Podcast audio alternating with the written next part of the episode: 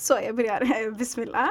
Um, tjo, hej, salam alaikum. Välkomna till uh, ingen annan podd än Eduorten. Uh, eh, din gettoklassiker och ditt favoritpoddprogram hoppas jag. Om det inte är det, det kan bli det. Ingen fara.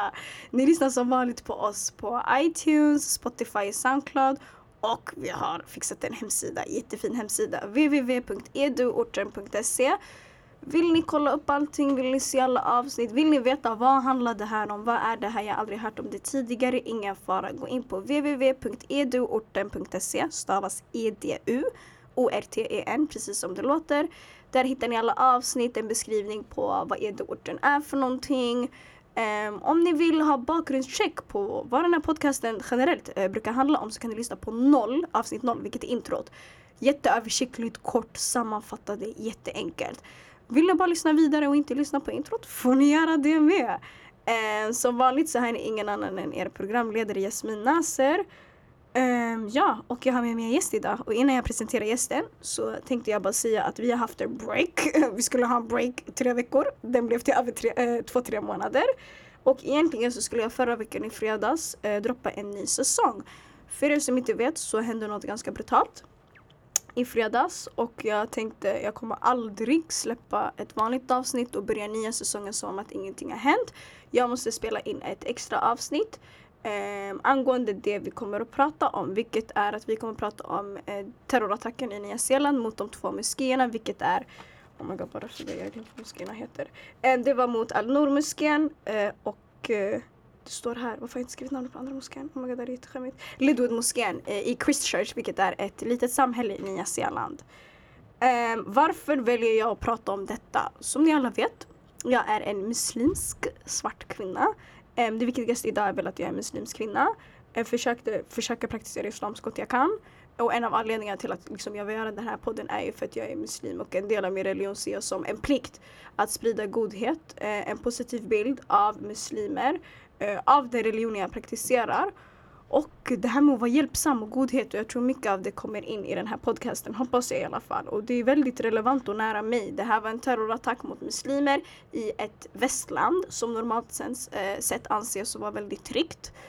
Det är, många paralleller kan man dra till alla andra europeiska länder eller västländer och det här kunde lika gärna ha hänt här. Och kunde lika gärna ha hänt i andra länder. Och det, såklart det skapar en oro. Ehm, du skapar, du väcker många tankar. Det är inte som att du kan leva vidare med din dag bara yeah whatever. Du kan försöka men du kommer alltid bother you, du kommer störa dig och du kommer påverkas utav det varken du vill det eller inte.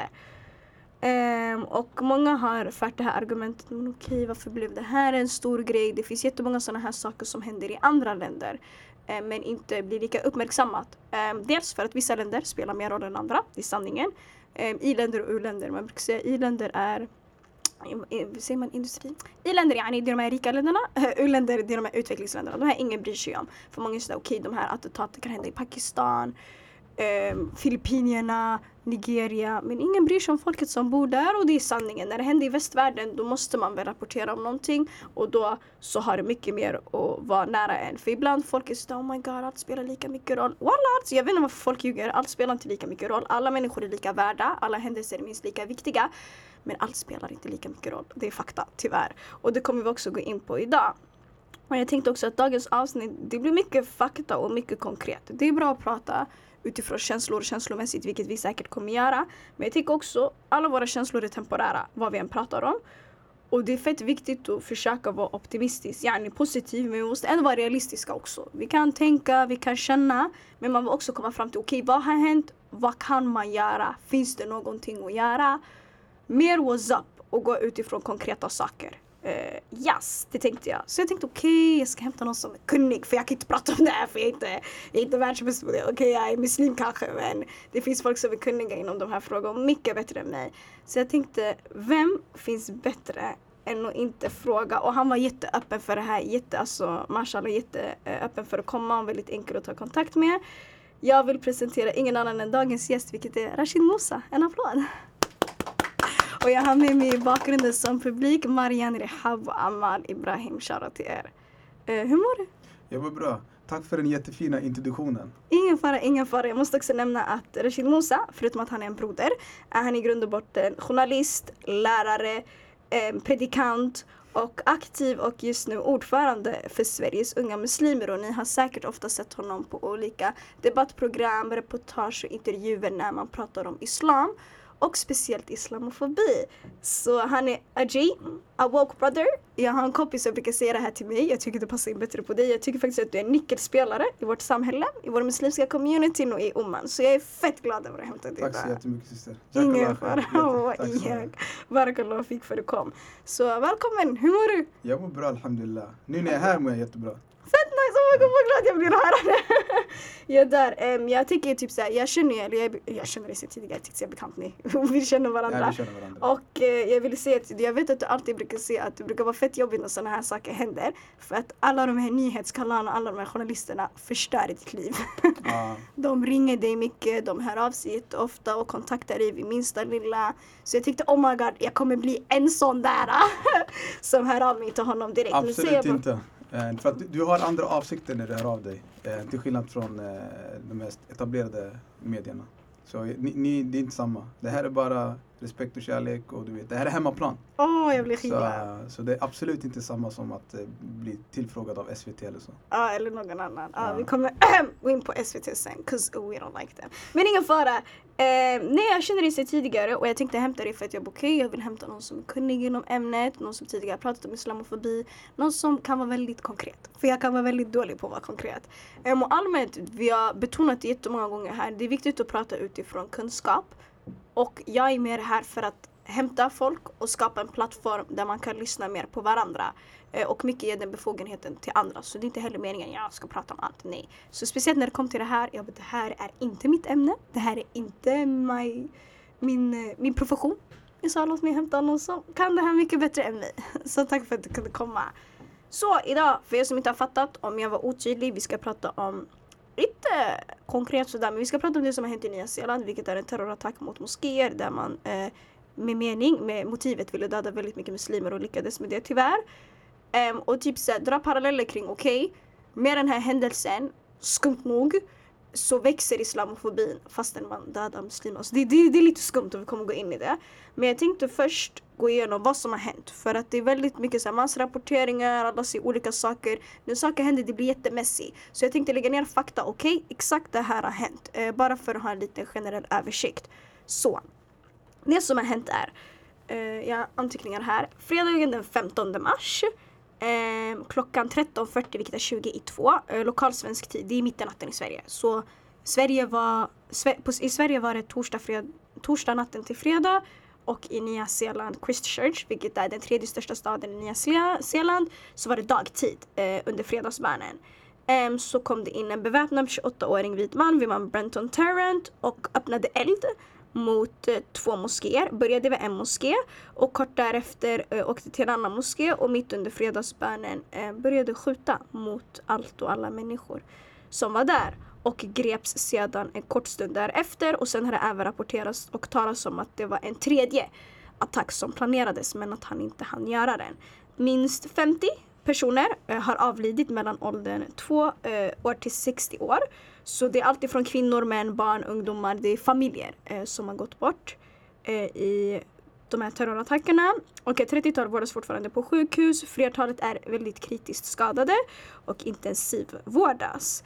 Och eh, hela den här händelsen livestreamades eh, på Facebook. Eh, Shunon har skrivit typ ett helt manifest och han har typ så här eh, upphöjt vissa människor och inspirerats av andra terrorattacker. Alltså riktiga psykogrejer. Eh, och under lördagen ställdes han inför rätta i en domstol för sina misstankar och Shunon verkade inte visa så mycket ånger. Där! Så det är exakt det som har hänt mer eller mindre eh, utan att gå in på fler detaljer. Jag tänker eh, Rashid, hur fick du höra det här och när och var, alltså var du när du fick höra det? Eh, jag vaknade på morgonen, fredag morgon som vanligt. Eh, jag har min morgonrutin. Jag går till köket, hämtar en kopp te. Det första jag slår på TVn, kollar på morgonnyheterna eller TV4 eller SVT. Eh, och då hade de en sändning om att det har skett en skjutning mot en moské. Och det var, då visste man inte vad exakt som hade hänt, man visste inte antalet döda. Det var väldigt tidigt, väldigt oklart. Eh, och eh, myndigheten i Nya Zeeland hade inte heller gått ut så mycket, mer än att det hänt någonting fasansfullt. Och sen eh, på vägen till jobbet kollar jag på Aftonbladet och då märker man att det här är en story som byggs på allt eftersom.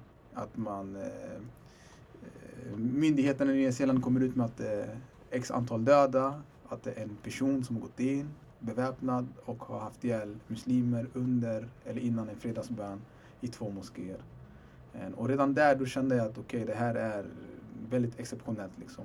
Att eh, en beväpnad man går in i en moské under fredagsbön och skjuter vilt. Det händer inte så ofta i västvärlden. Liksom. Eh, och, eh, så det var liksom på morgonen jag fick reda på direkt när jag vaknade. Men sen när jag insåg hur omfattningen det var och hur eh, stort det här var så eh, jag, jag kände sig, jag fick en klump i magen. Alltså jag mådde väldigt illa. Eh, jag var dysfunktionell hela den dagen. Alltså jag kunde inte äta, jag kunde inte eh, jobba. Eh, jag kunde inte vara mig själv helt enkelt.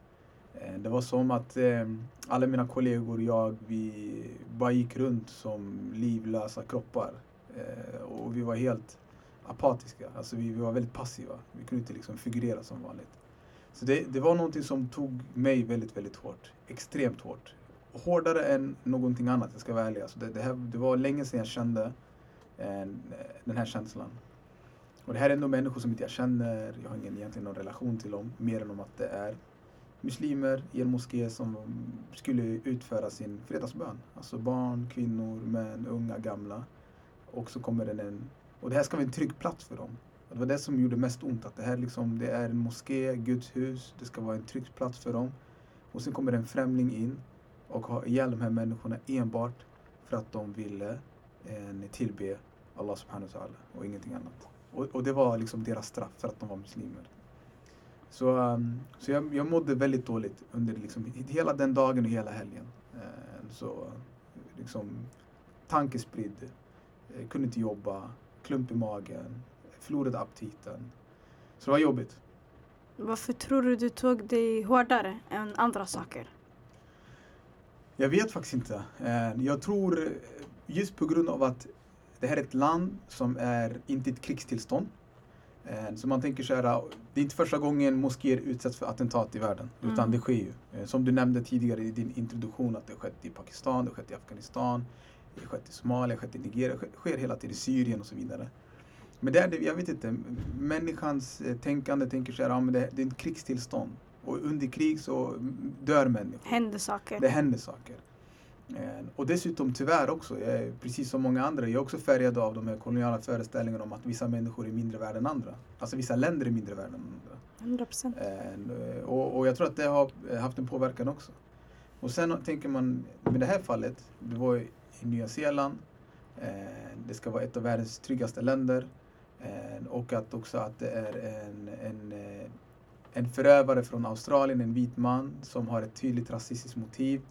Jag tror att de här sakerna spelade in varför jag tog just det här en eh, hårdare än, än andra. Men det ska inte vara så egentligen. Men det blev så. Kan du relatera? Det kanske också har med det att göra. Av att det just hände i Nya Zeeland. Och jag tänker typ, var du chockad när du fick höra det? Faktiskt inte. Snarare att det låg i luften. Varje gång jag går till fredagsbönen så tänker jag, tänk om det här är min sista fredagsbön. Du brukar gå till fredagsbönen? Ja. Så varje gång jag går, går till fredagsbönen så tänker jag, tänk om det här, speciellt när jag går till stora moskén i Medis. Då tänker jag, tänk om det här är min sista fredagsbön. I Stockholm finns det en stor moské i Medborgarplatsen. Ja, bland de, äh, inte de första, men bland de större moskéerna i ja. Sverige. Yes. Där väldigt många brukar delta på fredagsbönen, mm. tror uppemot 1000 personer. Ja, och det är, alltså det, det är mer än så, det är typ 2000 personer. 2000 personer varje liksom. fredag. Ja, varje fredag. Och det är fullt med. Det är fullt i bönesalen och sen öppnar man upp på andra våningen, där vid kontorsavdelningarna. Mm. Och när den fylls så öppnar man tredje plan, tredje våningen. Så det är folk ber vid liksom, i korridorerna, nästan vid trappuppgången och så vidare. Så tänkte jag om, om en panikartad situation skulle uppstå där. Eh, inte bara att en förövare kommer in och du vet, det finns ingen säkerhet där. Det är en polis som brukar stå där. En jätteglad ja, äldre en, man. En, en, hej, en väldigt trevlig en, eh, farbror. Farbror blå. Shoutout till han. Ja. Endast shoutout till han, ingen annan. Ja, Fortsätt. Så han, han, står där liksom och, och så Men, eh, och, och det är ingen mer än så. Vi har inga liksom, kameror där, vi har inga egen säkerhetsbolag eller säkerhetsvakter. Det är ganska lätt att ta sig in dit. Det är inga metalldetektorer, det är ingen som liksom, det, är en ganska öppen plats på det här sättet. Så jag brukar liksom, så jag, jag var inte förvånad när det hände i Nya Zeeland. Snarare att det här är ett tecken i tiden. Eh, Det har hänt så mycket saker de senaste 10-15 åren i vår del av världen. Och, ehm, och när nyheten om Nya Zeeland kom så var jag extremt ledsen men inte förvånad. Jag måste hålla med dig tyvärr. Jag var inte heller chockad. Inte det minsta. Vilket är jättesynd för man vill vara chockad. Man vill känna såhär oh my god. Men tyvärr, jag var inte chockad. Och jag ville typ säga, inte neka men när jag såg det jag bara ah, nej. Det kan inte vara värsta grejen. Någon attack. Nej säkert någon blev skadad. Sker inshallah. Kommer säkert må bra. Sen när man såg att det blev värsta grejen man tänkte ah wow. Och typ såhär, jag tänkte det kanske är typ jag vet inte om det är försvarsmekanism eller för att man kanske inte vill inse allvaret. Men jag kommer ihåg, jag läste inte så mycket om det i början när jag fick höra det. Men nej men det, det, det, det är lallish, det är värsta grejen.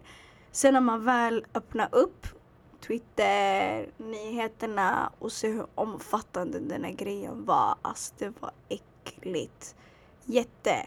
Ehm, för att bara, alltså lite kanske warning alert om man inte kan lyssna på sånt här. Alltså den här killen var så sjuk. Han, skit i livestreamingen. Han ville försäkra att folk hade dött. Så när han väl går in och skjuter, skjuter han extra på folk som ligger ner och probably redan är döda bara för att försäkra att den här människan kommer dö. Det räcker inte med sex skott utan du ska få några till bara för att jag ska vara försäkrad på att du inte lever. Och så gick man runt och gjorde det här mot resterande som befann sig i moskén.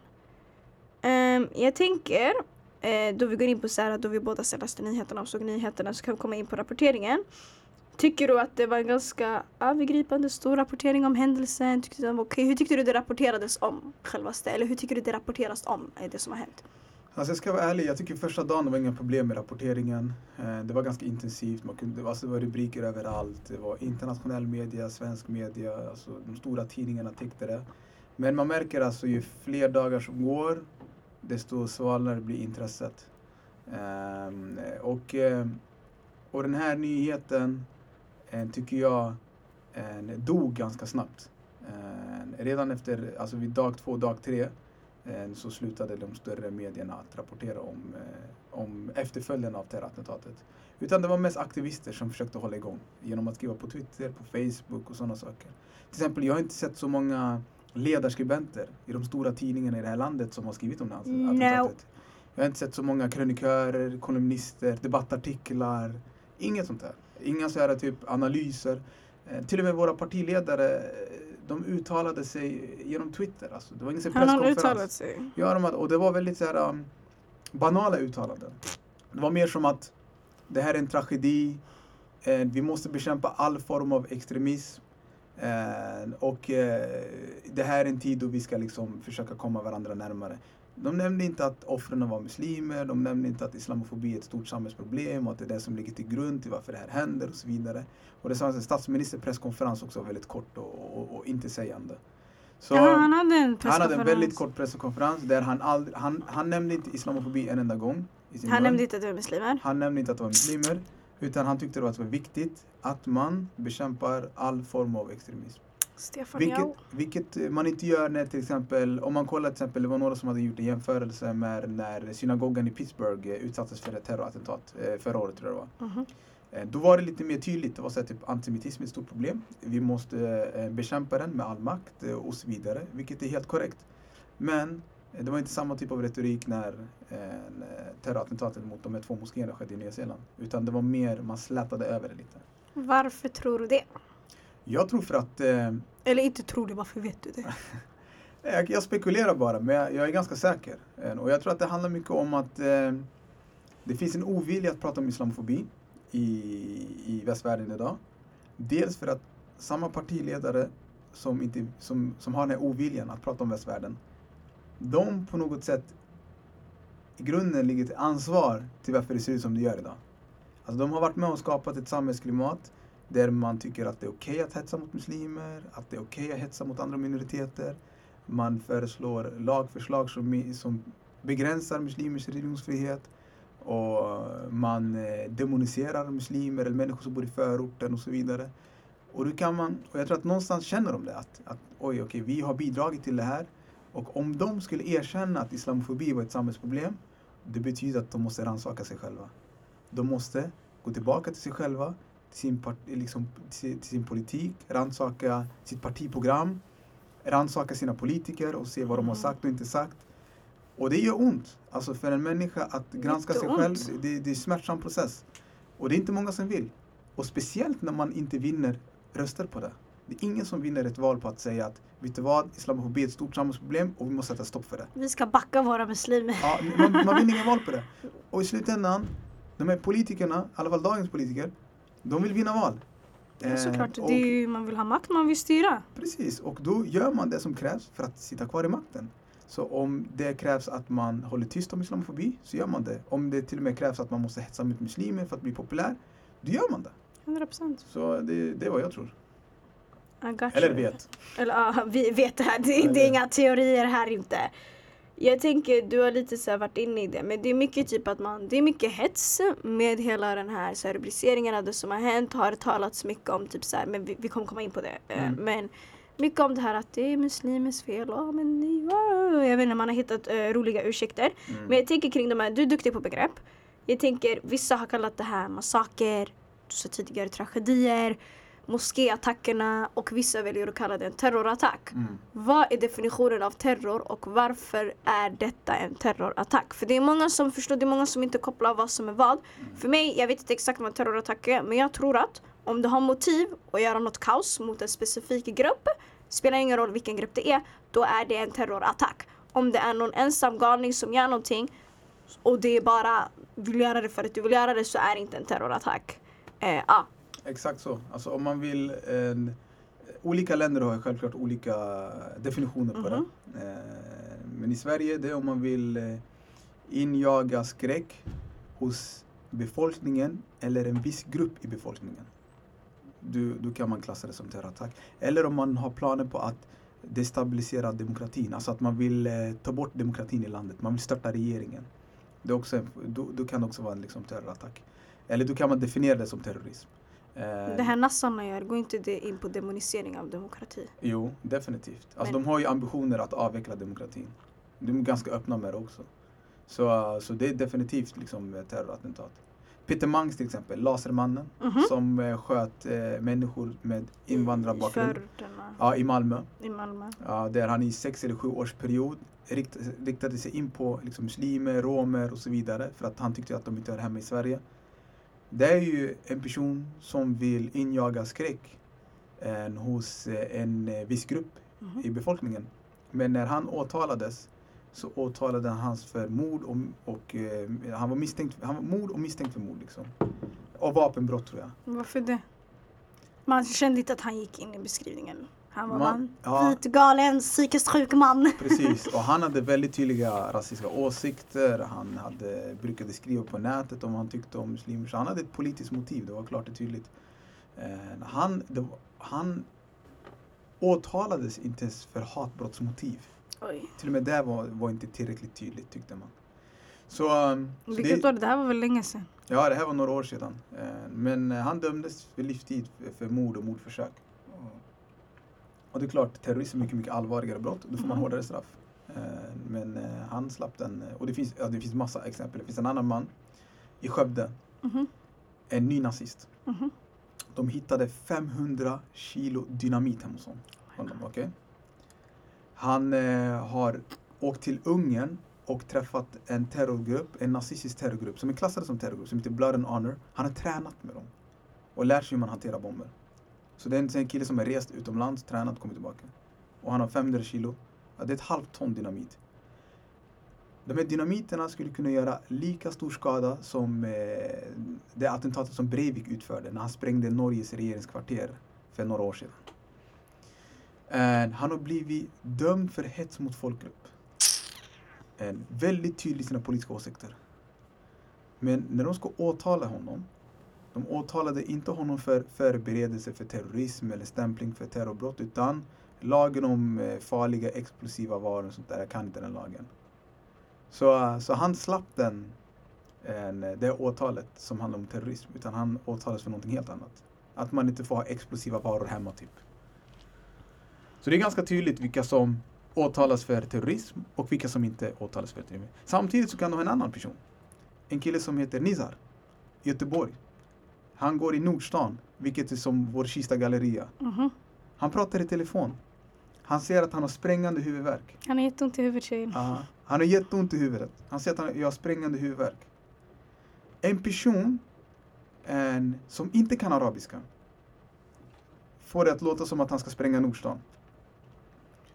Hon kontaktar myndigheterna. De lyckades spåra honom. På morgonen så stormar insatsstyrkan hem till honom och tre, två andra familjer plus en moské i Gårdsten när de håller på att begära fajr. Alltså Alla skulle bli drabbade för shunon hade huvudvärk. Han hade huvudvärk. De riktade vapen mot barn. Eh, tänk dig en, eh, på morgonen, alltså innan solen precis har gått upp, så kommer främmande maskerade män i ditt hem, sparkar ner dörren och eh, viftar med vapen vilt. Eh, du är hemma och ligger och sover med din fru eh, och, och dina barn och ni blir väckta kring den här och de häktades allihopa. Sen efter 24 timmar så insåg de att killen inte hade några ambitioner att spränga Nordstan utan han hade eh, sprängande huvudvärk. Och när han skulle hem, han hade inte ens ett busskort att ta sig hem med. Och då säger de, han bara, hur ska jag hem? Han bara, ni har häktat mig, nu har ni släppt mig, men hur ska jag hem? Han säger, snacka med busschauffören. Han, han, han förstår säkert din situation. Och de släppte honom. Och när man pratar med Nizar, det var länge sedan jag pratade med honom nu, men när jag pratade med honom då, några år efter det här hände, då frågade jag honom, har din familj fått någon form av hjälp? Alltså bearbeta barn, alltså hans, hans, jag tror hans son var 15, hade svårt att sova med, med lampan släckt. Du vet, han kunde inte. Eh, han hade svårt att gå på toa ensam. Och sådana saker. Eh, och jag frågade, okej men åtminstone barnperspektivet, har barnen fått någon form av hjälp med den här trauman? För att du har blivit oskyldig. Eh, alltså du har blivit dömd på förhand. Och du har blivit, fått den här behandlingen. Eh, och sen bara, har man bara lagt locket på. Så det är också så här att redan vid misstankesgraden så behandlas människor väldigt olika. Eh, och, eh, och det finns jättemånga liksom, Det finns paralleller så som man kan dra. många exempel Väldigt många på det. paralleller. Ja. And it's kind of sick, it's kind of sick. Ehm, efter att allt det här har hänt så vi kommer komma in på alla olika reaktioner. Men det har ju varit väldigt mycket hatvågor mot muslimer. Mm. Vilket är skumt. Eller alltså, alla asas, man, yani, man ska förstå om det var inom citattecken en muslim som gjorde det. Då skulle man inte koppla om man skulle vara sådär, okej jag är redo på det. Men det är väldigt många som har gått ut med sig jättemycket så här stora islamvåg, hat, hat, hat bara kring det som har hänt.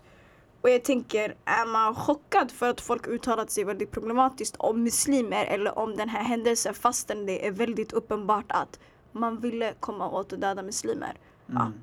Nej, alltså, att det är sjukt, folk firar.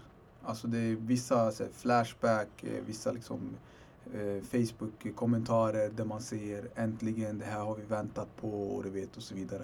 Det här visar ju verkligen att hur långt hatet mot muslimer har gått. Att det har, blivit, det har gått så långt att det är, folk skäms inte ens. Att man kan öppet hylla en eh, massaker på 50 människor, oskyldiga människor.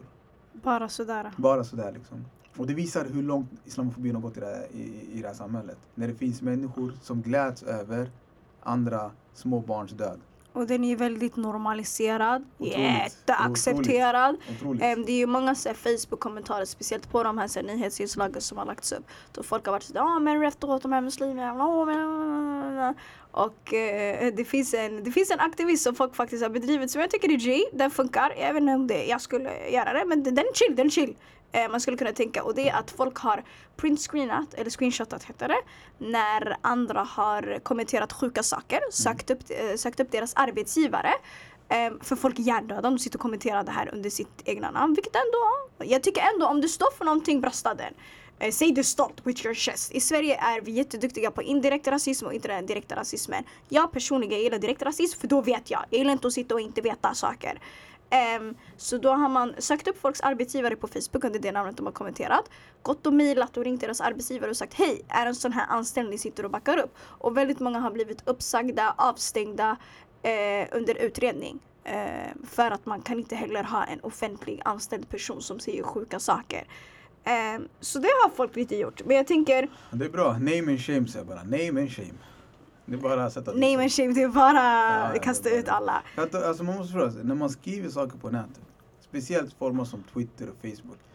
Det är som att ställa sig på ett torg och säga de här sakerna. Och skrika rakt ut. Ja, och, och du vet, du får, folk får göra vad de vill hemma. Då ska man behandlas som det också. Ja, och jag tycker att eh, då ska man kunna eh, kontakta folks arbetsgivare. Jag tycker att man ska anmäla dem till polisen och eh, lagföra de här personerna som eh, hetsar mot, eh, mot muslimer på det här sättet. Jag tycker även typ så här, om vi går in på hur folk har pratat om det här. I väldigt många rapporteringar har vi också sagt lite roliga grejer. Typ i början så sa man inte att det var man, man, det känns som att man har fått det att låta som att det var en moskéattack. Man gick förbi två Mm. moskéer. Um, och sen så har ju så här, lite olika inslag kommit ut och folk sagt skumma saker. Det finns en borgmästare om inte jag har fel, eller en politiker, jag tror det var en borgmästare i Australien som har gått ut med ett officiellt brev då man har eh, sänt sina kondolenser um, till eh, det som har hänt och till de som har gått bort. Eh, för er som inte vet, kondolenser yani, när man säger jag beklagar sorgen typ, fast det är finare ord. Ja. Och då har man gått ut med ett officiellt brev från staten, whatever, den här borgmästaren i alla fall gick under det här namnet. Och så sa han men att det här är ett svar på all den tension som har funnits mot muslimer och det finns för många muslimer och det har funnits en för stor massinvandring av muslimer i Australien. Och det är just därför sånt här händer. Som om att yani det är accepterat, yani okej om vissa saker är förväntat på grund av att det finns en stor islamofobi. Men att vända på det och säga att ah, men det är yani muslimernas fel, det är blattarnas fel, whatever. Alltså det, du kan, mannen, man kan inte säga så. Han sa så, whatever, han stod för det. Och det finns senare ett klipp då han, var, han blev intervjuad och så var det en liten tonåring som äggade han bakifrån för att visa sitt stöd. För att han inte står för det han har gjort. Så det är ett sätt att prata om, eh, prata, prata om händelsen på. Jag, jag tycker, han, för att jag avbryter dig, Mm, han, den, här, den här tonåringen som äggade den här borgmästaren, den här rasisten. Jag tycker att man ska, eh, han, han, borde Hylla få, han? han borde få gator döpt efter honom och man ska bygga en, en staty utanför eh, en Australiens eh, parlament där. Walla, han var han- OG på riktigt. Ehm, och så fanns det typ så det fanns två jämförande klipp på när man hade äggat. För det hade hänt tidigare att man hade äggat någon så här borgmästare. Så var det en unge som hade äggat den här borgmästaren och den här personen hade inte sagt någonting, hade bara skrattat för det var Ezekiel. Men i det här fallet så fick ju han en örfil och folk gjorde kaos med den här ungen. Men jag tycker alltså ungen har så mycket poäng och så mycket rätt i det han gör. Ehm, jag uppmuntrar inte till våld, men det jag uppmuntrar till är att ändå agera på något sätt för att bevisa att det är inte okej. Du kan inte göra vad du vill, hur du vill, när du vill. Eh, ja, så ändå, det är ett sätt att svara på det på. Så yeah. Ehm, sen har eh, på Nyhetsmorgon under samma dag eller dagen efter, rätta mig om jag har fel, så pratade man lite om den här händelsen. Man hämtade Alassas terrorexperter och folk som var så här högt uppsatta inom så här, det säkerhetsbusiness. Och då pratade man i termerna om att, eh, jag kommer inte ihåg exakt vem det var, men det var någon. Hans Ehm, Brunn Hans Brunn, tack så mycket. från Kings College. Thank you. Och han sa ju att eh, sånt här förstår man ju när eh, många skickas fram och tillbaka genom Isis och det finns mycket i islamisk, jag vet inte vad, jag vet, wallah, hjälp mig, jag vet inte vad islamisk extremism betyder. Vis- Alltså jag vet, det är så Jag många ord. säga islamistisk. Islamistisk extremism, jag vet inte vad det är, okej? Men det han sa var att när mycket sånt här händer så blir man ju arg. Och då vill man ju göra hämnd. Och då så gör man såna här saker. Eh, och typ såhär, spelade bara ut som att det är helt adi och vände tillbaka det som att man beskyller muslimer och att det är muslimers fel. Um, och jag fattar inte hur man skuldbelägger offer. Och Rashid Musa, du har lärt oss det här att offer är inte, folk säger det här jätteofta, offer är inte en känsla, det är en position. Och det är fett viktigt att tänka på. Så jag fattar inte hur man skuldbelägger några som är redan i en position. Is, is a bit mad, is a bit mad. Om man säger rakt ut att ja, de här eh, 50 personerna som mördades ihjäl, att de bär ett ansvar för vad andra muslimer gör och därför kan de behandlas på det här sättet. Det är exakt vad Hans Brun säger. Att någonstans det är okej att det gick in och sköt de här 50 människorna för att det finns andra muslimer i andra delar av världen som gör ungefär samma sak. Och SVT sitter och tycker att det här är helt adi, han är terrorexpert. Det är Okej, om han säger så så är det ju så. Ja. Det är ingen Ehm. som liksom ifrågasätter eller utmanar det utan de sitter bara sitter tyst och liksom låter han eh, komma, komma med sina liksom förfärliga och framförallt rasistiska teorier. Eh, vi pratade om det innan också. Skatten nu kommer gå till SVT, ja. Eller det kanske har gjort det hela tiden, I don't know. Så våra skattepengar går till det här och jag tycker man kan inte backa upp sånt här och det bidrar till att normalisera att det är okej. Kasta skit på de här muslimerna, lallish om 50 pers som lika gärna kunde ha dött i Sverige eller i något annat väst, land eller någon annanstans egentligen för 50 människoliv är 50 människoliv. Och det är jättemånga andra som vårdas som att det är adi, det är okej. Okay. Det är så livet är muslimer. Get with the program. Ehm, eh, vilket är, det är fett sjukt, fett sjukt. Eh, å andra sidan så vill jag eh, vända på det också. Ehm, till att prata om det positiva. Inte att det finns något positivt i det som har hänt men eh, alltså allt som har hänt eh, utefter det. Ehm, Christchurch som är Nya Zeelands tredje största stad. Eh, staden har ungefär 400 000 invån invånare. Det är lite mindre än en halv miljon så det är inget stort samhälle alls. De har haft en community som har backat upp dem verkligen. Alla, alla. Majoriteten och väldigt många människor som bor där oavsett bakgrund, kön, etnicitet har stått bakom muslimerna besökt moskéerna, backat upp dem. Är det laga mat, är det göra det ena, är det det andra deras community har stepped up efter det som har hänt och man har sett väldigt mycket fina saker man har försökt comfort allihopa med. Inte för att det finns någon bekvämlighet eller comfort att hitta efter något sånt här. Men det har varit väldigt fina rubriker kring att man har försökt backa upp muslimerna efter det som har hänt och försökt eh, vara där som ett så stort stöd som möjligt. Ehm, även Jacinda Ardern, vilket är premiärminister för Nya Zeeland, eh, anlände dagen efter till eh, staden. Ehm, som en människa utan att vara något speciellt. Eh, besökte moskén där det här hände, eller den moskén som var mest drabbad. Tog på sig sjal utan att någon bad henne att ta på sig sjal. Och var bara tyst, gick runt där. Mötte de anhöriga, mötte alla de drabbade och betedde sig bara vanligt. Vissa människor kan inte bete sig vanligt. Och jag tror det finns en så stor respekt och empati i det hon gjorde. Jag känner inte att man ska få extra applåder men det här borde vara en självklarhet. Det är så här en ledare ska bete sig. Det är så här en ledare ska agera. Det är så här en ledare ska prata. Och kort därefter gick hon ut med att eh, det ny, nyzeeländska, Nya Zeelands stat yani, de kommer stå för alla begravningskostnader och finansiellt stöd till de drabbade och skärpta vapenlagar. Och begravningarna eh, av alla dessa 50 personer har redan börjat eh, idag. Eh, vad tycker vi om det här? Jag tycker hon är en, eh, det är en, eh, en, en, en jag måste ge henne faktiskt. Wallah, jag med. Eh, premiärministern. Eh, jag, jag visste inte vem hon var tidigare. Men, eh, hon är ganska ung, som 37 år bara. Ja, och jag har läst efteråt att hon, den, hon verkar vara väldigt solidarisk eh, och empatisk som person. Och det speglar väldigt mycket den politik hon faktiskt försöker bedriva eh, i Nya Zeeland. Eh, och, och hon har hanterat det här på ett, på ett exemplariskt sätt. Men det är också någonting som jag tycker är viktigt att Eh, lägga i, eller försöka lägga en, en ekvation i det här skulle vara hur skulle en västerländsk ledare agera ifall om det var en muslimsk man som utförde ett terrorattentat i ett eh, vitt samhälle. För att tongångarna är ganska olika. Jätte. Till exempel när vita förövare begår terrorbrott mot bruna och svarta människor så det, försöker man oftast vi måste vara tillsammans, vi ska vara en och så vidare. Gemenskap. Gemenskap och, och så vidare. Vilket är viktigt och bra. Men när det är bruna förövare eller svarta förövare som begår liksom politiska, politiskt motiverade våldshandlingar i vita samhällen så är det vilket muslimskt land ska vi bomba tillbaka till medeltiden? Alltså de, folk är hämndlystna. Det är nu måste vi in i Irak, vi måste bomba Syrien, Afghanistan, Pakistan, vi måste in i Jemen och vi måste göra det här och så vidare. Hårdare lagar, en mindre invandring, det ska vara en hårdare straff en, och så vidare. och Så vidare. Så jag tycker det är vikt, viktigt också att man eh, tar hänsyn till de här sakerna. Alltså det är väldigt enkelt att vara gosig och jag tar ingenting från den här premiärministern i Nya Zeeland. Jag tycker hon har agerat eh, utomordentligt bra. Men jag tycker ändå att man måste poängtera att tongången är väldigt, väldigt olika beroende på vem förövaren är och 100%. beroende på vilka offren är. Du vet, när, eh, när det är vita offer så många europeiska ledare vill oftast hämnas. Och det kan vi se till exempel i eh, terrorattentat som har skett i Bryssel eller i Paris eh, eller, eller i Köln till exempel. De har varit väldigt snabb på att poängtera att vi måste liksom bekämpa terrorism och extremism med samma medel. Vi måste vara hårdare. Vi måste vara hårdare. Vi måste visa att vi är hårdare. Och man bekämpar våld med våld. Och det funkar aldrig att göra på det här sättet. Aldrig. För att när George W Bush Eh, var president i USA efter liksom, terrorattentaten i Wall Street Center och Pentagon. Vad sa han? Han sa antingen är ni med oss eller så är ni med terroristerna. Så världen var tvungen att välja sida.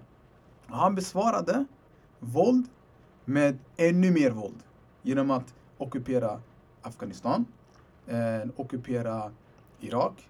Och det var hundratusentals, uppemot en miljon människor som är döda på, i, i, på grund av de här krigen.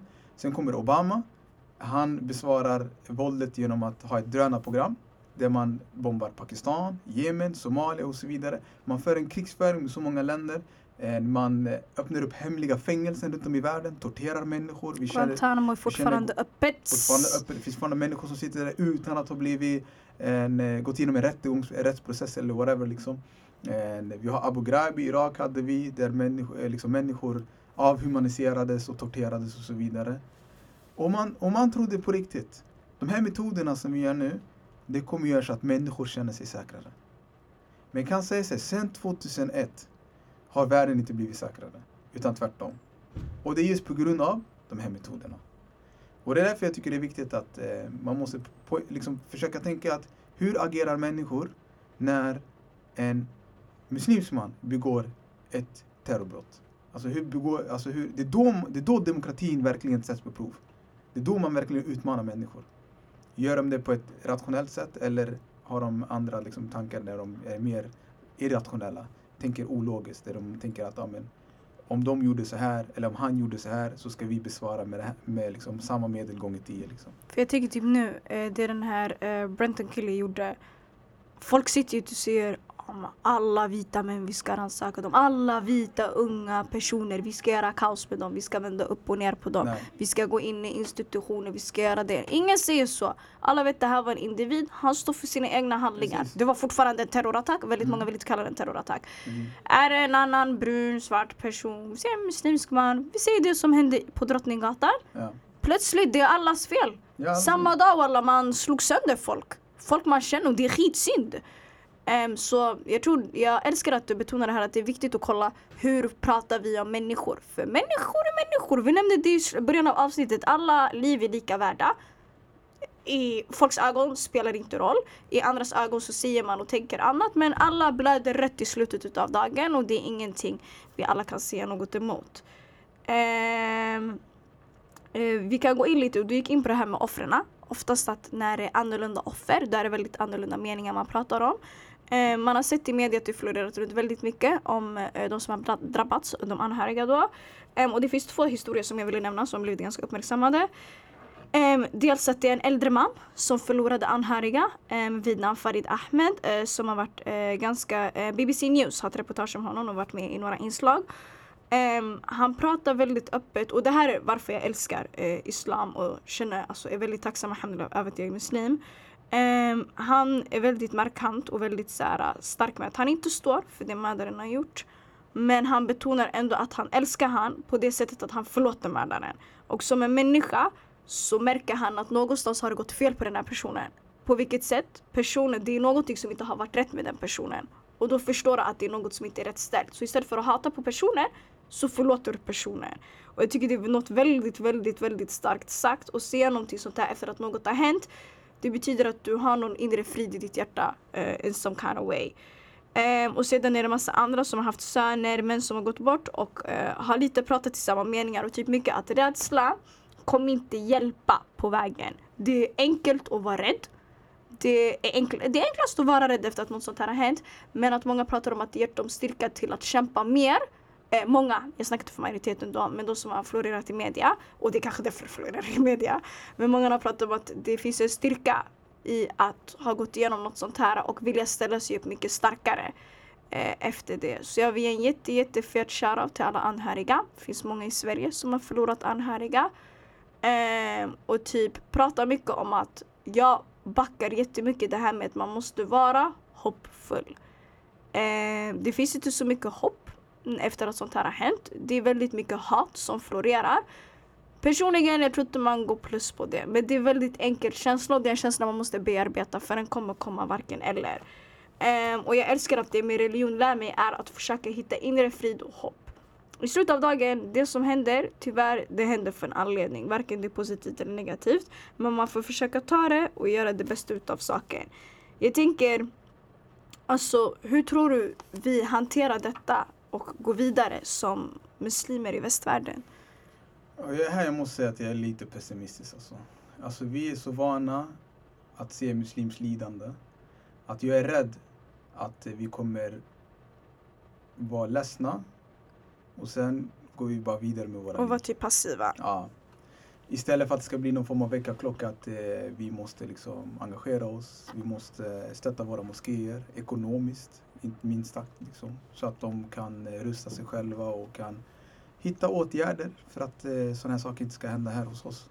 Eh, men eh, tyvärr, eh, många av oss eh, känner att det finns, inte, det finns inget lilla jag kan göra. Det här, det här är så att säga typ storpolitiska saker som inte jag har kontroll över och så vidare. Men det, men, men det är fel väg, det är fel sätt att tänka på. Utan vi alla har ett ansvar och en skyldighet. Inte skyldighet gentemot eh, oss själva men framförallt gentemot de offren som har gått bort.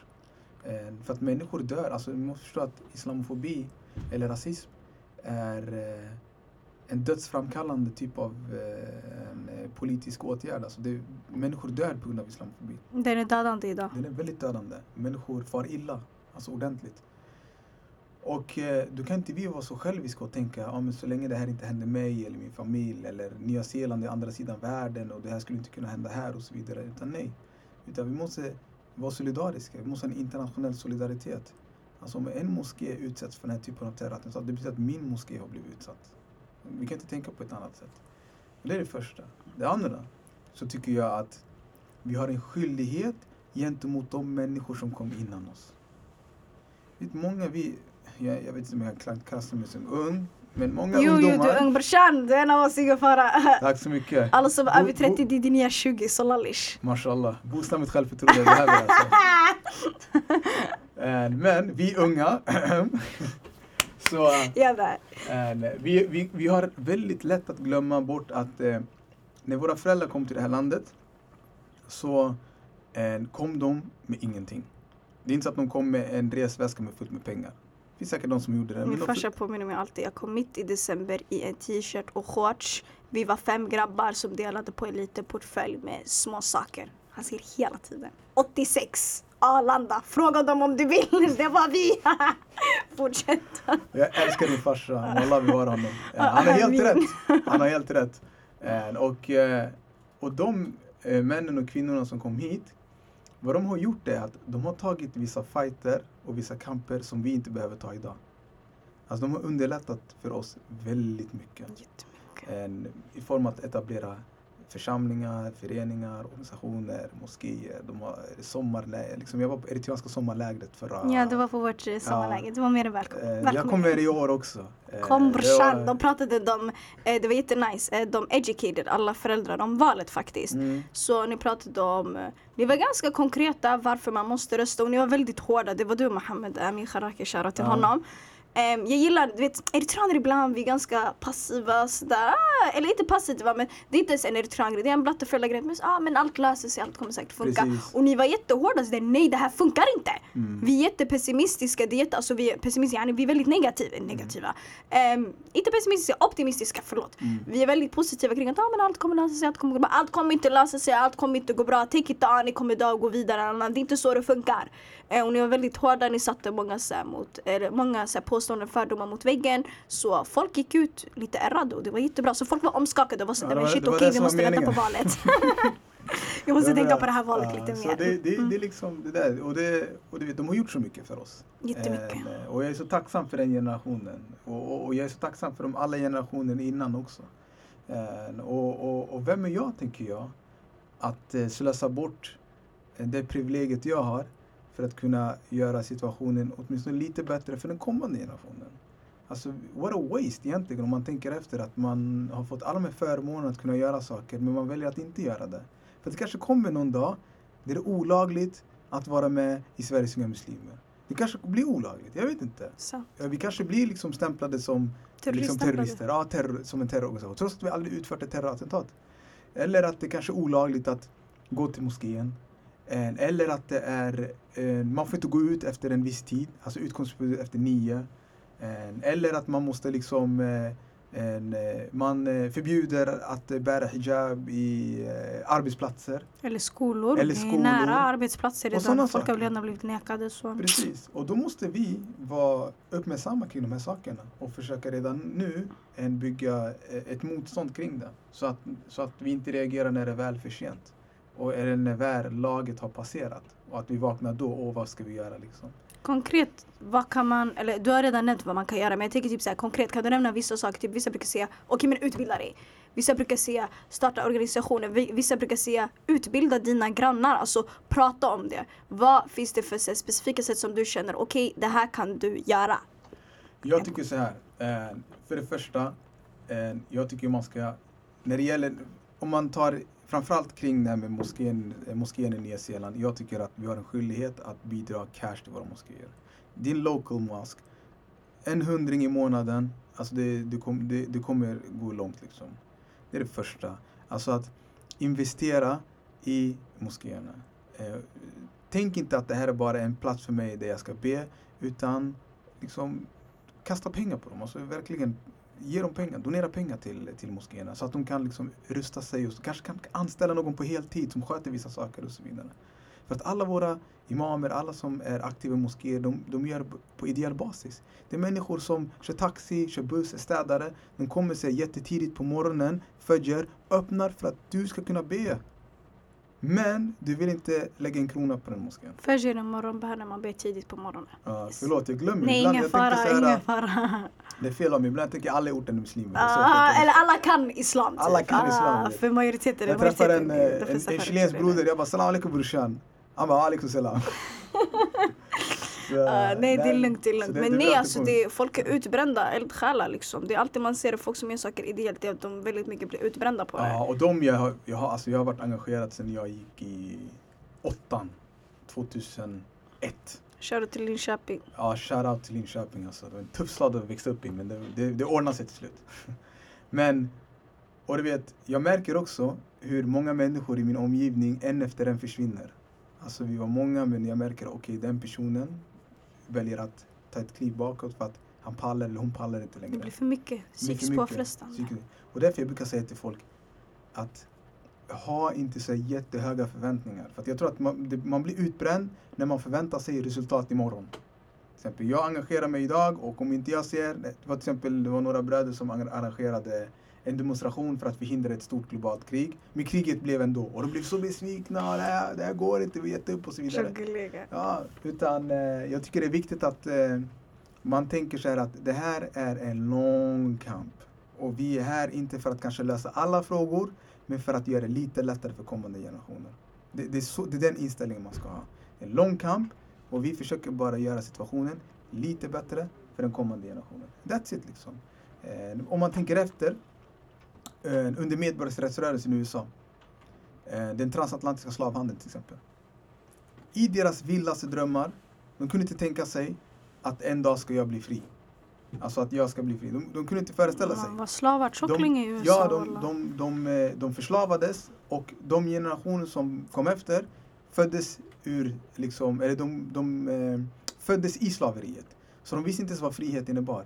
Men någonstans hade de en vision att okej, jag kanske inte kommer bli fri imorgon, men jag vet att förhoppningsvis mina barn kommer bli fria. Och deras barn blev fria. Fast under andra, liksom, de blev kontrollerade under andra former, såsom rassegregation, Jim Crow. Okej, de kanske inte var i plantagen längre, men de fick inte liksom, gå på samma restauranger som vita, de fick inte gå i skolor, de fick inte rösta och så vidare. De, i deras vildaste fantasi, de kunde inte föreställa sig att en dag vi kommer ha en svart president i USA. De kunde inte. För dem, det var science fiction. Men deras barn såg till att de befriade sig från rassegregationen. Och deras barn i tydligen såg till att eh, de fick en, liksom, en svart president. Och nu kan man kritisera, jag är väldigt kritisk mot Barack Obama. Jag mig, jag är inget fan av honom överhuvudtaget. Eh, jag ser inte så mycket skillnad mellan honom och hans föregångare. Eh, men bara alltså idén om att det finns, att man ska tänka liksom att jag är inte här för att, eh, för att eh, jobba för att förändring ska komma imorgon. Utan jag är bara här för att flytta fram positionerna, flytta fram gränserna. Och eh, gå vidare med ett arv som har funnits väldigt länge. För att vi måste också komma ihåg att vi alla har ett arv. Och eh, den som väljer att inte engagera sig idag, det betyder att du vänder dig om jag kanske är väldigt hård just nu i min ton. Nej, säg vad du vill. Säg vad du vill brorsan. Det här vi ska du, vara du ärliga. spottar, dina före, eh, dina spo, du spottar i ansiktet på dina föregångare. Alltså människor som kom innan dig. Och det är dina föräldrar, dina farföräldrar och alla människor som har bidragit till en, eh, de, den situation vi har idag. Eller den förbättrande situationen vi har idag. Till viss mån. Så därför jag tycker det är extremt viktigt. Alltså jag tycker det är själviskt att inte vara engagerad idag. Det är fett själviskt. Sen kan man vara engagerad på olika sätt. Vissa kanske har fett mycket cash, de ger pengar till muslimska organisationer. Det är bra, men de har inte tid. Vissa kanske inte har så mycket pengar, men de kanske har mycket tid. Och då kanske de kan komma, komma, komma och ställa upp och hjälpa och stötta föreningar som de tror på och så vidare. Så alla kan göra någonting. Åtminstone försök att prata om de här sakerna till dina arbetskollegor, med dina grannar. Dela saker som du tycker är viktigt och så vidare. Och, och sluta lajka kattbilder och lägga upp eh, bilder på din mat. Jag jag dör. Eh, vad var det jag ville säga? Vad, ingen frågan, jag lovar. ingen pido ja, Folk i studion de bredde ta åt sig. Vi har även Nada här som har varit med i en av våra tidigare avsnitt. Västerort Kaniner Kampsport. okej, Shoutout, men inte shoutout. Kaniner men inte katter. Got you, got you. Jag tänker, kan icke-muslimer också bidra med samma sak?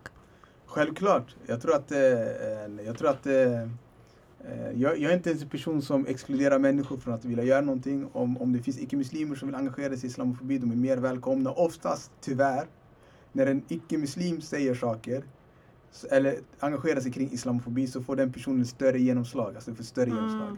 Än om en, en muslimsk broder eller syster skulle säga det. Och det är egentligen bara rasismens logik. Till exempel, vi tycker det är häftigt när en vit man säger antirasistiska saker. Då ska Mhm. den personen hyllas och jada, jada, jada. Och det får större effekt. Och, och, och då tar andra vita människor åt sig.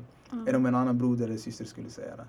Men jag tycker... eh, Do it alltså. Ja, det ja, är till alltså, vår fördel, gör din grej walla. jag tycker så här, låt, låt, om, om de vill använda sin white privilege till, eh, till, eh, på ett sätt som gynnar oss, välkommen alltså. Men det måste ske på våra villkor och det måste ske på ett ömsesidigt sätt. De kan inte bara komma och diktera och berätta hur vi ska egentligen borde göra. För att det är många som brukar komma fram till mig och säga, men om du Rashid ändrar på din ton, är, är mer mottaglig mot kritik så kanske folk vill, är beredda att lyssna på dig. Men nu brukar jag säga till er, för det första jag talar inte till er, jag talar till mitt folk. Alltså rent ut. Eh, Och det, de, Jag jag, tror att förändringen kommer hos oss själva och ingen annan. Eh, Och, men om, om personer gillar det, trots liksom min ton och hur jag säger, om personer är down med det, du är välkommen, jag kommer inte säga nej. Men om du inte gillar det, du gillar inte, det är lugnt. Det finns säkert någon bakom det som gillar det. Så, det, så jag tycker man ska, jag, jag ska inte heller värva människor, alltså jaga människor och säga snälla kom, joina oss vår kamp. Utan Snälla, jag är snäll, jag lovar. Jag är Ja. inte som de andra. jag, jag kommer inte spränga mig själv, jag lovar. Jag lovar dig, Ja. jag lovar. Utan nej, alltså vi är logiska, fungerande människor. Vill du engagera dig, varsågod välkommen. Om inte, det är inga problem. Och om inte folk inte förstår det är det väl Ja. lite fel på deras De flesta logik. människor också, det, det är också intressant. Också. Om, det finns en undersökning från 50-talet i USA som Gallup gör. Gallup gör årliga undersökningar. Visste ni att majoriteten, den absoluta majoriteten av vita amerikanare motsatte sig Martin Luther Kings reformer. Alltså Martin Luther King Juniors reformer i USA på fem- 60-talet. Att majoriteten gjorde det. De motsatte sig. De tyckte att hans snack om eh, alla likas värda och, och, och stoppa rassegregation och att människor ska få rösträtt och sånt där. De tyckte att det var för mycket. Vem skulle säga sådär idag? Ingen! Men det är så, det är i stundens hetta som man mäter människors solidaritet. Hur folk reagerar. Så om Martin Luther King hade de här problemen, vad ska vi säga om vår situation? typ. Så, så jag därför jag säger att man ska inte ha man ska inte förvänta sig att alla vill joina. Men man ska hålla den dörren öppen för de som vill. Liksom. 100%. Förlåt, vi har eh, dragit över lite. En sista fråga, sen tänker jag att vi avslutar. Em, borde vi alla vara rädda? The big question. Nej, jag tycker vi ska inte vara rädda, men vi ska vara försiktiga. Jag tycker vi ska vara försiktiga. Vi ska vara försiktiga. Speciellt, jag tycker att eh, många systrar borde vara försiktiga. Slöjbärande. De ska vara definitivt. För att ni är eh, alltså symbolen för vad allt islam innebär. På gott och ont. Eh, och det innebär att eh, man ska tänka sig extra för när man går ut. Eh, men jag tycker man ska försöka ta självförsvarskurser. Nada Idris. Ja, jag tycker alla systrar borde gå med i eh, Nadas eh, Västerort kampsportsklubb, avsnitt eh, nio så har vi pratat om det. Jätte, jätteviktigt. Eh, och jag, tror, jag tycker också att, eh, att vi ska liksom inte gömma oss. Vi ska inte skämmas för vilka vi är. Vi ska inte kompromissa bort vår identitet. Eh, vi ska inte välja bort att gå till moskén, utan tvärtom. Utan vi ska fortsätta att vara och visa vilka vi är. Och att liksom vi är stolta individer trots att vi går igenom väldigt svåra tider. För att eh, de är, det här är en prövning. Och de här prövningarna klarar vi bara av om vi kan liksom eh, stå tillsammans, rakryggade och försöka liksom eh, inte gömma oss helt enkelt. Och därför jag tycker vi ska inte vara rädda, men vi ska definitivt vara försiktiga. Eh, Mm. Vi ska tänka att när vi gör seminarier, när vi gör, fr- när moskéer gör fredagsbön, de ska tänka på säkerheten. Jag tycker det är jätteviktigt. 100%. Eh, Och de ska liksom eh, ha ett säkerhetstänk i alla våra arrangemang och alla våra samlingar som vi gör. Det är superviktigt. Men vi ska definitivt inte vara rädda. eh, Utan vi ska fortsätta. Förlåt, det fick mig att tänka. Jag håller med dig 100%. Jag tror bara många saker är typ så här lättare sagt än gjort. Men jag tror det viktigaste är att man har den mentaliteten. Mm. Eh, och går ut med den. Till exempel nu, Stora moskén var där igår. Har gått ut med att de eh, tills, ja, tills annat sägs så stänger de moskén vid varje bön. De har inte moskén öppen. Mm. Så de stänger moskén precis när bönen eh, ska börja. Och så öppnar de moskén när bönen har avslutat. Eftersom att när de här attentaten hände så hände det ju när folk bad. Och då är inte folk så conscious över vad som händer. Eh, vilket är bra, men alltså jag blir ledsen. Alltså ska inte jag kunna få utöva min religion så som jag vill utöva den. Ehm, jag tycker Precis. det är synd men alltså Ja, religionsfriheten är hotad i Sverige. Jättehotad. Alltså, det är inte religionsfrihet om man ska behöva sitta och stänga och öppna platser höger, vänster, upp och ner. Det är inte Precis. så det funkar och jag förstår inte heller varför det inte blir en grej. Måste tillägga, man har kärleksbombat. Eh, poliser den dagen åkte runt till många moskéer och så, så att det inte triggas igång. Och tyvärr, den här, det här attentatet kommer trigga igång andra attentat. Tyvärr, Tyvärr. Vi, vi ska vara jätterealistiska. Vi kan inte, Man måste vara ärlig. Jag ska inte sitta och säga nej, allt kommer vara peace. Nej, det här kommer trigga igång väldigt mycket andra saker, vilket är väldigt synd. Men man måste också tänka att okej, om jag är rädd, hur långt kommer jag komma? Man kommer inte komma så långt men man får försöka bearbeta rädslan kring okej, vad kan jag göra så att jag känner mig mindre rädd? Vad kan jag tillsammans med mina vänner göra istället för att gå ensam hem? Ska vi gå två, tre stycken? Istället för att göra det här, ska vi göra det här? Tyvärr alltså, många slöjbärande, oh my god jag går uh, över ämnet nu, över tiden. Men många av oss, vi har vissa taktiker. Alltså, man går inte ut med finskor till stan hela tiden. Det är Nej, nej, nej. sneakers, Det är fina sneakers gäller, sneakers alltså. på dem alltså. Knyt dem hårt också.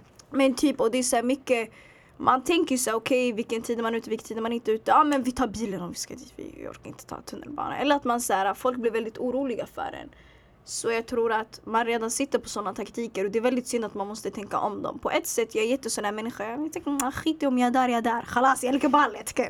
Okay. Khalas, det, Ja. det är så, det är så eller inte skrivet, det är så uppenbart att det är väldigt mycket kaos. Väldigt många omkring en och en själv har. Man har upplevt vissa saker som bara tyder på att you know what, Sverige var inte gjort för mig. Jag kommer fortfarande berätta Sverige för det här är mitt hem. Jag skiter i, jag föddes här, jag växte upp här. Det finns inget annat land som kommer kunna bli mitt hemland tyvärr. Eh, hem är en geografisk plats, det är inte alltid en känsla. Mm. Ehm, så, men å andra sidan, man, ibland man blir, man blir rädd walla, man blir lite ärrad. Man tänker okej men vad händer nu? Tänk om det var jag. Jag har kommit lite till den här realization, typ det som får hända får hända. Såklart man blir orolig, det påverkar en, det påverkar allt man tänker på runt omkring en. Men jag har bara bröstat tanken att you know what, om hemska saker händer kommer att få hända men det kommer inte begränsa mig till att fortfarande kämpa för det jag vill kämpa för. Vilket är rättvisa och vilket är grunden till hela den här podden. Och det är varför vi verklighetsförankrar olika perspektiv och de viktigaste perspektiven som vi måste föra fram. Yeah. Um, är det någon som har frågor? Någon som vill lägga till någonting? Rashid, du kanske vill säga något? Nej, jag tycker du, eh, det mesta faktiskt har sagts. eh, Och jag, jag tror att det är viktigt att, eh, att vi inte blir, liksom, känner oss en hopplöshet eh, Mhm. kring de här sakerna. Det är superviktigt. Och istället att det här blir en, en anledning för oss att kavla upp våra ärmar och försöka hitta strategier för att bekämpa islamofobin på alla möjliga sätt. Eh, och alla kan göra liksom sitt. Det handlar bara om att fundera ut vad, vad kan jag göra. Liksom. Vi alla har ett ansvar. Eh, vi alla har förmågan att kunna göra det vi vill. Liksom. Det handlar bara om att vi måste sätta igång och förverkliga eh, de visioner vi, vi har helt enkelt. Yes, jag brukar också avsluta alla avsnitt med att säga att vi måste ha hopp men då avslutar det finare. Jag vill tacka jättemycket. Barakallahu fik, jazakallah khair. Tack, tack, tack i islamska termer. Är muslimska termer Tack för att du kunde komma. Eh, Mala. Bulala, det är jättekul att komma. Alltså, jag ville hämta dig i alla sas normala, normala eh, sammanhang. Men det fick bli den här gången och jag kommer förhoppningsvis, förhoppningsvis, jag kommer bjuda in dig inshallah igen.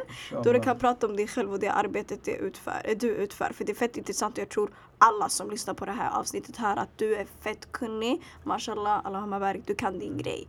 Eh, Jag Så jag är måste- ärad tack över att få ha hämtat Det är dig. verkligen en ära att få vara här. Eh, Du vet, när du hörde av dig, alltså jag tvekar inte ens en sekund. Jag tyckte jag måste, jag måste vara med på den här. Men jag måste också se, det finns många människor som eh, jag har i min omgivning.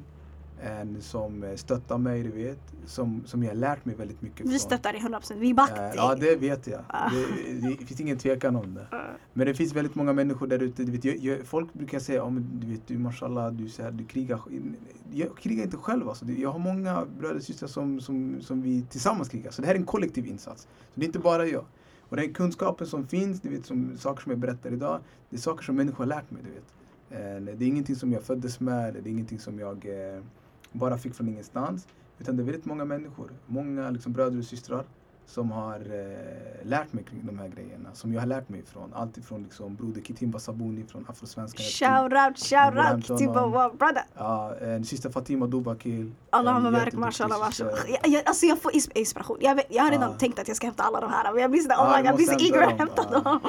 Hon, och eh, Meimuna Abdullahi får till exempel inte föreläsa i Göteborg. Mashallah, Eh, eh, för att de anses vara extremister och de har stämt eh, hon som var ordförande för Göteborgs stad och det ska gå upp till rättegång i augusti.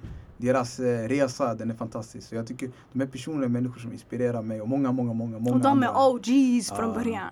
Verkligen OGs. Så, uh, så det, det är många människor. Eh, och jag tycker att det är viktigt att omringa sig kring sådana typer av människor som eh, vill, som har ambitioner för att vilja förändra ett samhälle till det bättre. Man kan inte göra det här ensam, utan man måste hitta sin klick. Och, gör man det så blir det saker mycket, mycket enklare. 100% I get it, I get it. Eh, tack så mycket. Shoutout till hela din omgivning. Till alla som har lärt Rashid Musa from the beginning. Tack så mycket You raised a allihopa. good person. Man brukar säga it takes a village to raise a Ja, får- child. man shoutout till mina föräldrar också eller? Shoutout till vem du vill. Jag, jag skickar en shoutout till Ismail Mosinor, det är min farsa, och Aden Mahmoud som är min mamma och Amal Said som är min fru. Så Mashallah, alla de där tre, mycket shoutout, mycket kärlek till dem. Speciellt min fru för att hon, du vet, vet du hur många så här fredagsmus som vi har skippat? Många helger har varit borta, många nätter. Alltså, alltså tålamodet hon har, alltså, det är helt otroligt. Alltså. Man brukar säga bakom varje framgångsrik man så Ja, finns ja, det en ja. ännu mer framgångsrik kvinna. så Verkligen, shoutout till Amal. Jag kände faktiskt Amal, jag visste inte. Ja, It was your wife. Jag vet inte om jag ska få säga hennes namn, kanske blir lack. Varför ser du mitt namn på en podd? Jag vet inte vad. Du vet. Jag vara, så. Hon supportar faktiskt min podd. Ja, det är bra. Det är bra. Det är bra. Men får, hon, hon får lite shoutout också. Så, så det är, omgiv dig med bra människor. Då kommer saker och ting bli mycket enklare. Och kutta av dem med hatarna också. Katem! Ja. Eh, tack så mycket. Eh, tack för den underbara publiken. Eh, ni vet vart ni lyssnar på eduorten, eduorten.se. Där hittar ni alla länkar, allting. Allt ni någonsin behöver, ni hittar det där. Vill du komma i kontakt med oss, MVG, just click it there. Ni lyssnar på oss på iTunes, Soundcloud, Spotify. Vi ses när den nya säsongen börjar. Ännu en gång, tack. Ha alltid hoppet med er. Det är så jag avslutar alla mina avsnitt. And that was it. Peace.